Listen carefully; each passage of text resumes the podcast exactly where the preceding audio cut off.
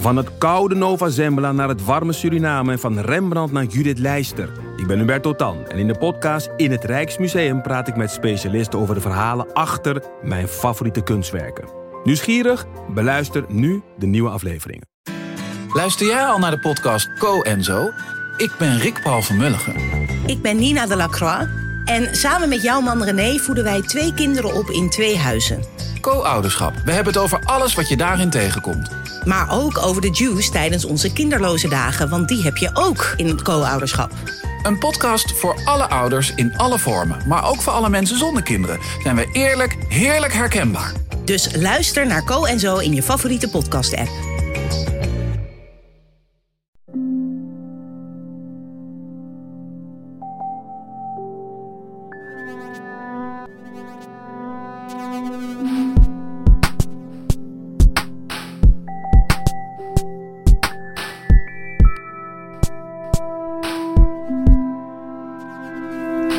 Dit is Relaas, waarin iemand een verhaal vertelt over iets dat hij zelf heeft meegemaakt.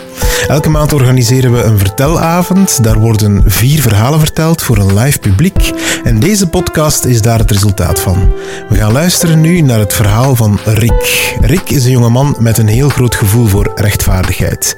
Als hij ziet dat er dingen rondom hem gebeuren die niet door de beugel kunnen, dan wordt hij kwaad. En dan kan je twee dingen doen: kwaad blijven die kwaadheid inslikken en thuis al je frustratie op Facebook schrijven. Je weet wel, met die gepaste hashtags er rond. Zo gaat dat tegenwoordig. Of je kan onmiddellijk ter plaatse in actie komen. Maar dan riskeer je wel je leven. We luisteren naar Rick.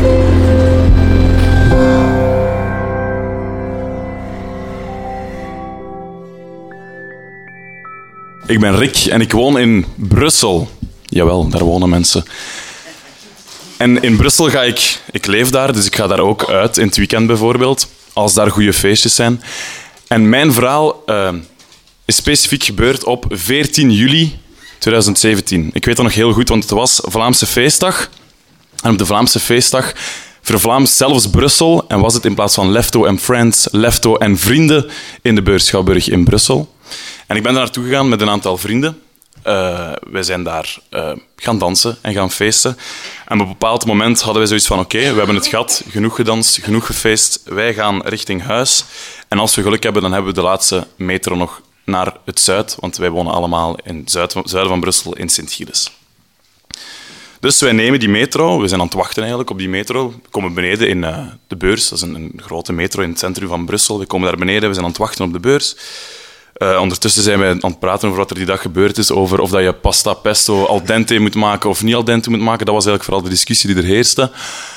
Waarop de tram binnenkomt gereden. Oké, we hebben hem nog de laatste. Wij stappen op op die, op die metro, op die tram. En uh, terwijl ik opstap, hoor ik al zo... Ik denk, ah nee, wordt het zo'n rit. Zat dus in de tram, als we opzatten, zag ik dus een kerel al zo kusgeluidjes maken. Dat gebeurt wel vaker in Brussel, dus dat is nu niet zo verwonderlijk. Maar ik had zoiets, oké, laat het niet zo'n avond worden. En wij gaan zitten in de tram. In de tram in Brussel, uh, op de laatste wagon, want we gingen in de laatste wagon zitten, daar heb je een hele lange bank van achter die met de uh, lengte van de tram meegaat. En recht tegenover die bank staan twee zitjes die recht naar elkaar kijken. En op die zitjes, recht voor mij, zat een, een, een dame.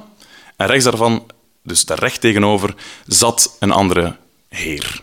Ik noem hem nu een heer. Later zul je doorhebben dat het eigenlijk geen heer was. Dus een heer.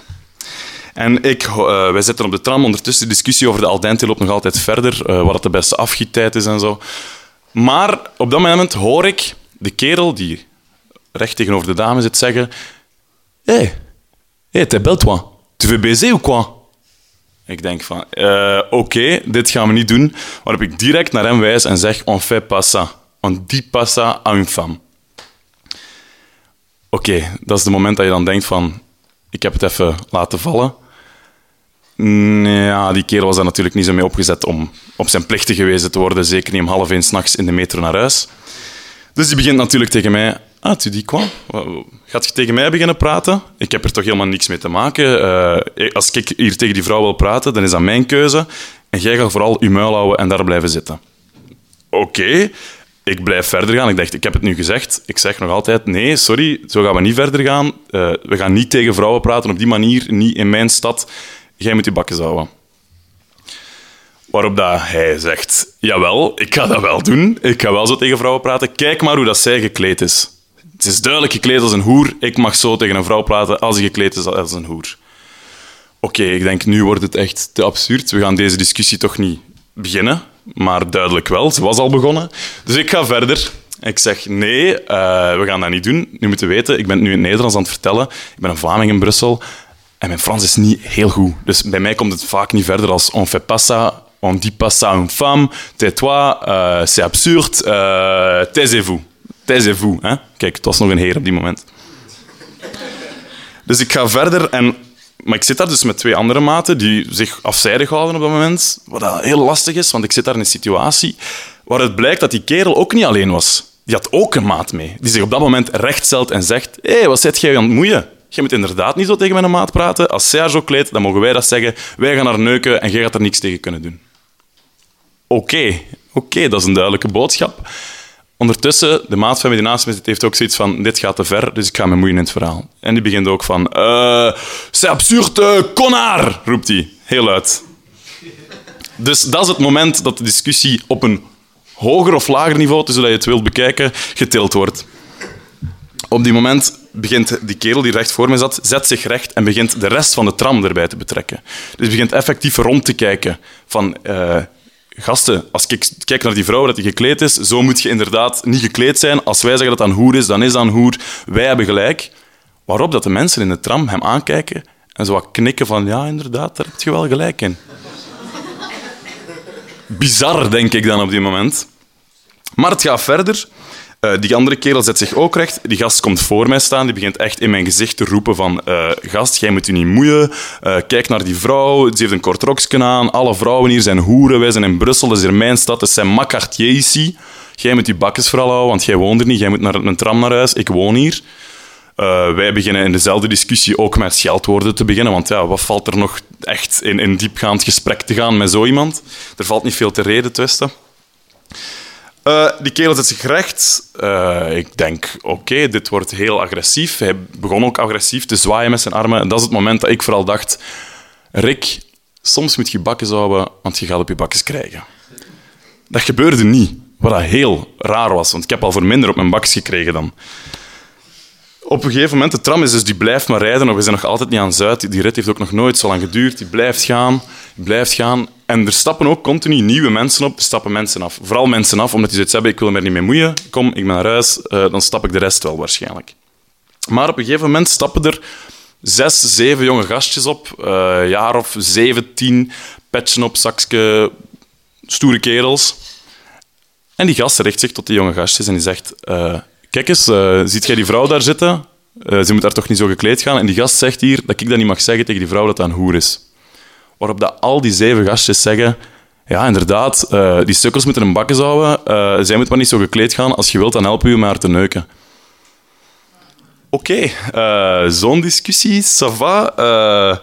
het werd absurd. Het roepen gaat verder, want op dat moment... Ik klap eigenlijk dicht de gast naast mij, Robbe, die begint gewoon heel hard konaar te roepen. En daar stopt het ook bij. Dat is het enige dat we er nog uitkrijgen op dit moment. En dan komt er een moment van zelfreflectie bij ons twee. Ik kijk Robben in de ogen, hij bij mij. Uh, en, en, en wij zijn zo aan het kijken van dit is echt absurd, wat is hier aan het gebeuren? Waarop Robbe zegt, ik snap er niks van, dit is precies zo'n sociaal experiment van op YouTube. What the fuck is dit? Waarop die kerel recht, die recht voor mij staat op dat moment zegt, oké, fini, suivez-nous, suivez-nous. Uh, wat, wat gebeurt er hier? C'est un experiment social. Ik denk, wat een lame excuus om vrouwen lastig te vallen. Dat is wel het eerste dat ik denk.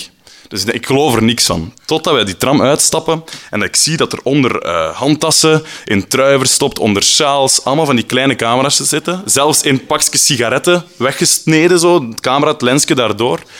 Die vrouw die dus daar ook zat, die was gewired, zo heet dat dan. Die had een microfoontje hangen. En dat was dus een actrice die meedeed in heel dat verhaal. Dus wij staan daar. Uh, wat is er hier aan het gebeuren? we kunnen niet veel zeggen. Op een gegeven moment, bam, die camera's in ons gezicht. Ja, eh, je hebt gereageerd. Waarom heb je gereageerd? Hoe heb je dat gedaan? Eh, wat voelt je nu zelf? Adrenaline? Hoe ging dat? Wij staan daar zo. eh, wat is er aan het gebeuren? Laat ons alsjeblieft gewoon naar huis gaan. We hebben zelfs een halte te vroeg moeten afstappen, want eh, ik raak op deze manier niet thuis. Laatst een tram. Oké, va. Dus van alles gaat door mijn hoofd, behalve de juiste antwoorden geven op die gast zijn vragen in het Frans. Dat ging er niet meer uit. Maar oké, die gasten die geven mij een kaartje. Ja, ja, we zijn een eh, YouTube-kanaal. Hier is ons kaartje. Eh, ons YouTube-kanaal, het Would You React. Binnen een maand komt aan. Salut, dag, applaus. En zij weg.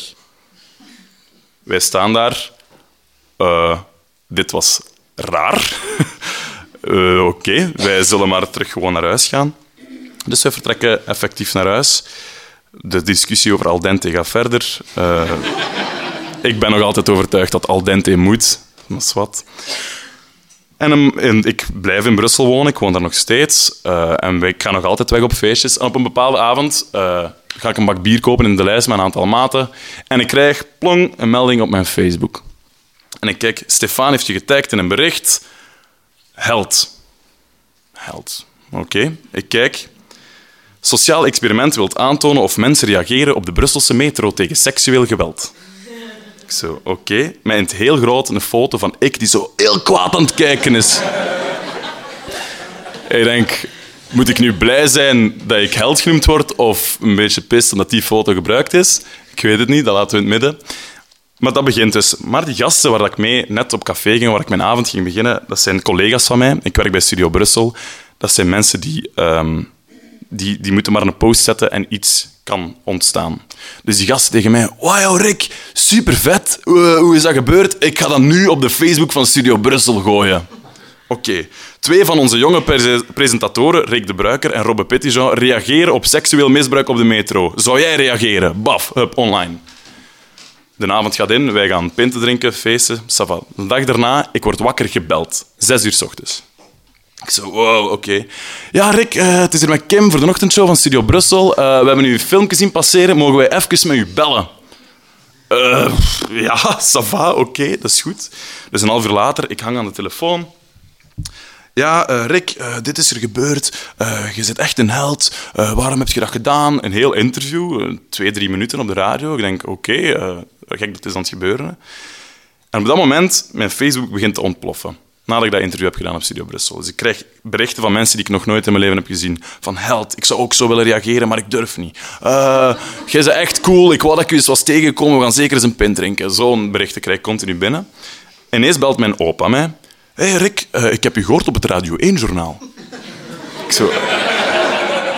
Oké, Subru, oké, maar plots Radio 1. Dus ik zit in elk journaal van Radio 1, ik zit in elk journaal van Studio Brussel, eigenlijk op alle VRT-netten, wordt mijn verhaal verteld met mijn dingen daarbij hoe dat ik daarop heb gereageerd. Die dag zelf is eh, heel absurd geworden. Ik ben continu heb ik telefoons moeten beantwoorden van HLN, de redactie.be, eh, van, van de redactie, ja, de redactie heb ik net gezegd, van eh, verschillende media die me hebben gebeld om interviews te doen, om artikels over te schrijven. De dag daarna stond ook effectief in de krant met een foto, Held reageert. Zelfs de Flair heeft ons verhaal gepubliceerd. Ik ben dus als man in de Flair gekomen zonder mij te moeten blootgeven. Chapeau over mezelf. En dat gebeurt. En ieder, alle reacties die binnenkwamen waren vooral zo van... Rick, jij bent echt een held. En ik vond dat heel vreemd eigenlijk, om, om held, als held bestempeld te worden voor iets wat ik als iets normaal zag toen ik dat zag gebeuren. Ik vond dat niet meer dan normaal op die moment in te grijpen en die gast op zijn rechten en plichten aan te spreken, om het zo heel formeel te zeggen. Eh, want ik, een held die wordt bejubeld voor iets uitzonderlijk dat hij heeft gedaan. En ik heb de indruk dat wat wij hebben gedaan op die avond zelf niet uitzonderlijk is. En ik hoop ook heel hard dat er in elke metro in Brussel, of in elke metro overal, dat er misschien één iemand zit die zijn bakjes niet kan houden en klaar is om op zijn bakjes te krijgen.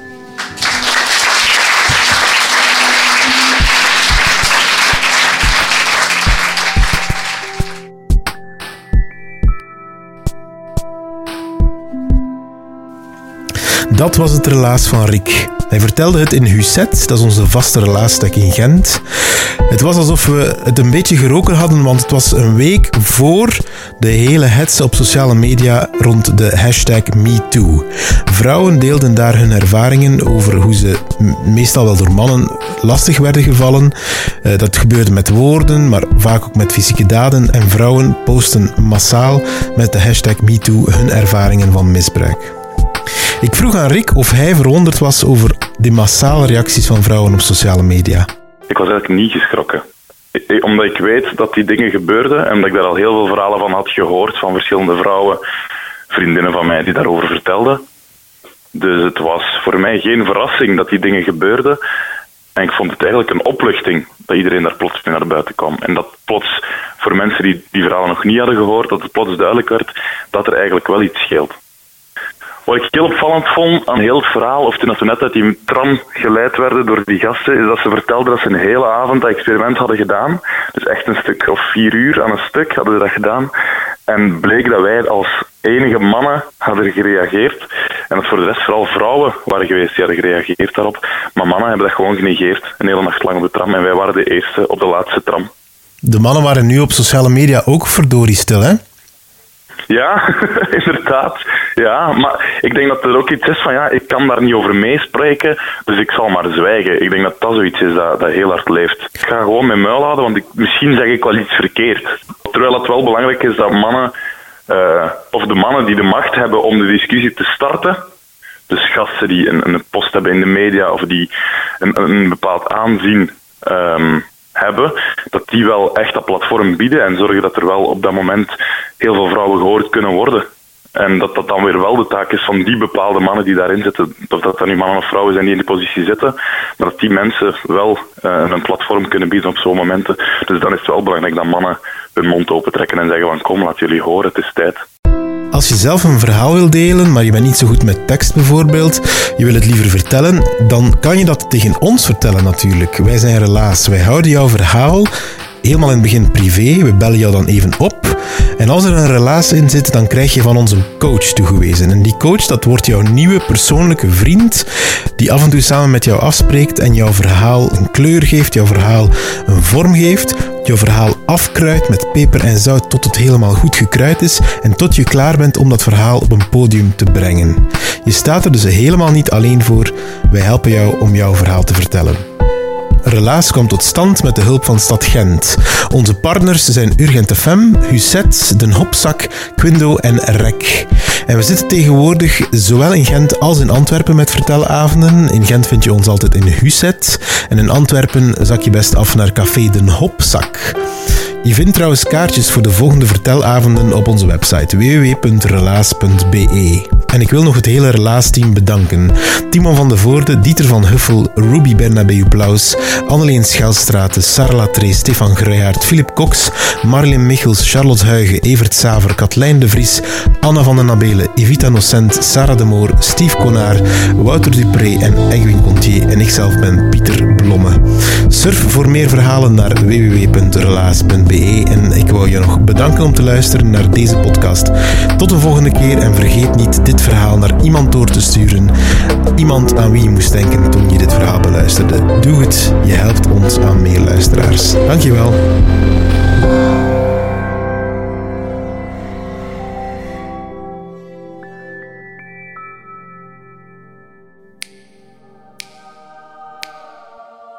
Elke seconde wordt er ergens in de wereld een podcast geüpload. Enfin, ik denk dat toch, maar dat lijkt me ergens ook wel realistisch. Een straf verhaal, een boeiend gesprek of een verfijnd audio-storytelling kunstwerkje waar weken is aangewerkt. Stop de madness en haal de makers uit hun kot. Kom op zaterdag 2 december naar het Podcastfestival in Gent. De prominentste podcasts doen er hun ding op of naast het podium en jij kan erbij zijn. Alle info en tickets vind je op podcastfestival.be. Ah ja, voor de diehard fans, de donderdag en vrijdag ervoor zijn er ook nog twee opwarmingskus. Dus als je daar ook wil bij zijn, check onze website podcastfestival.be. Tot dan hè.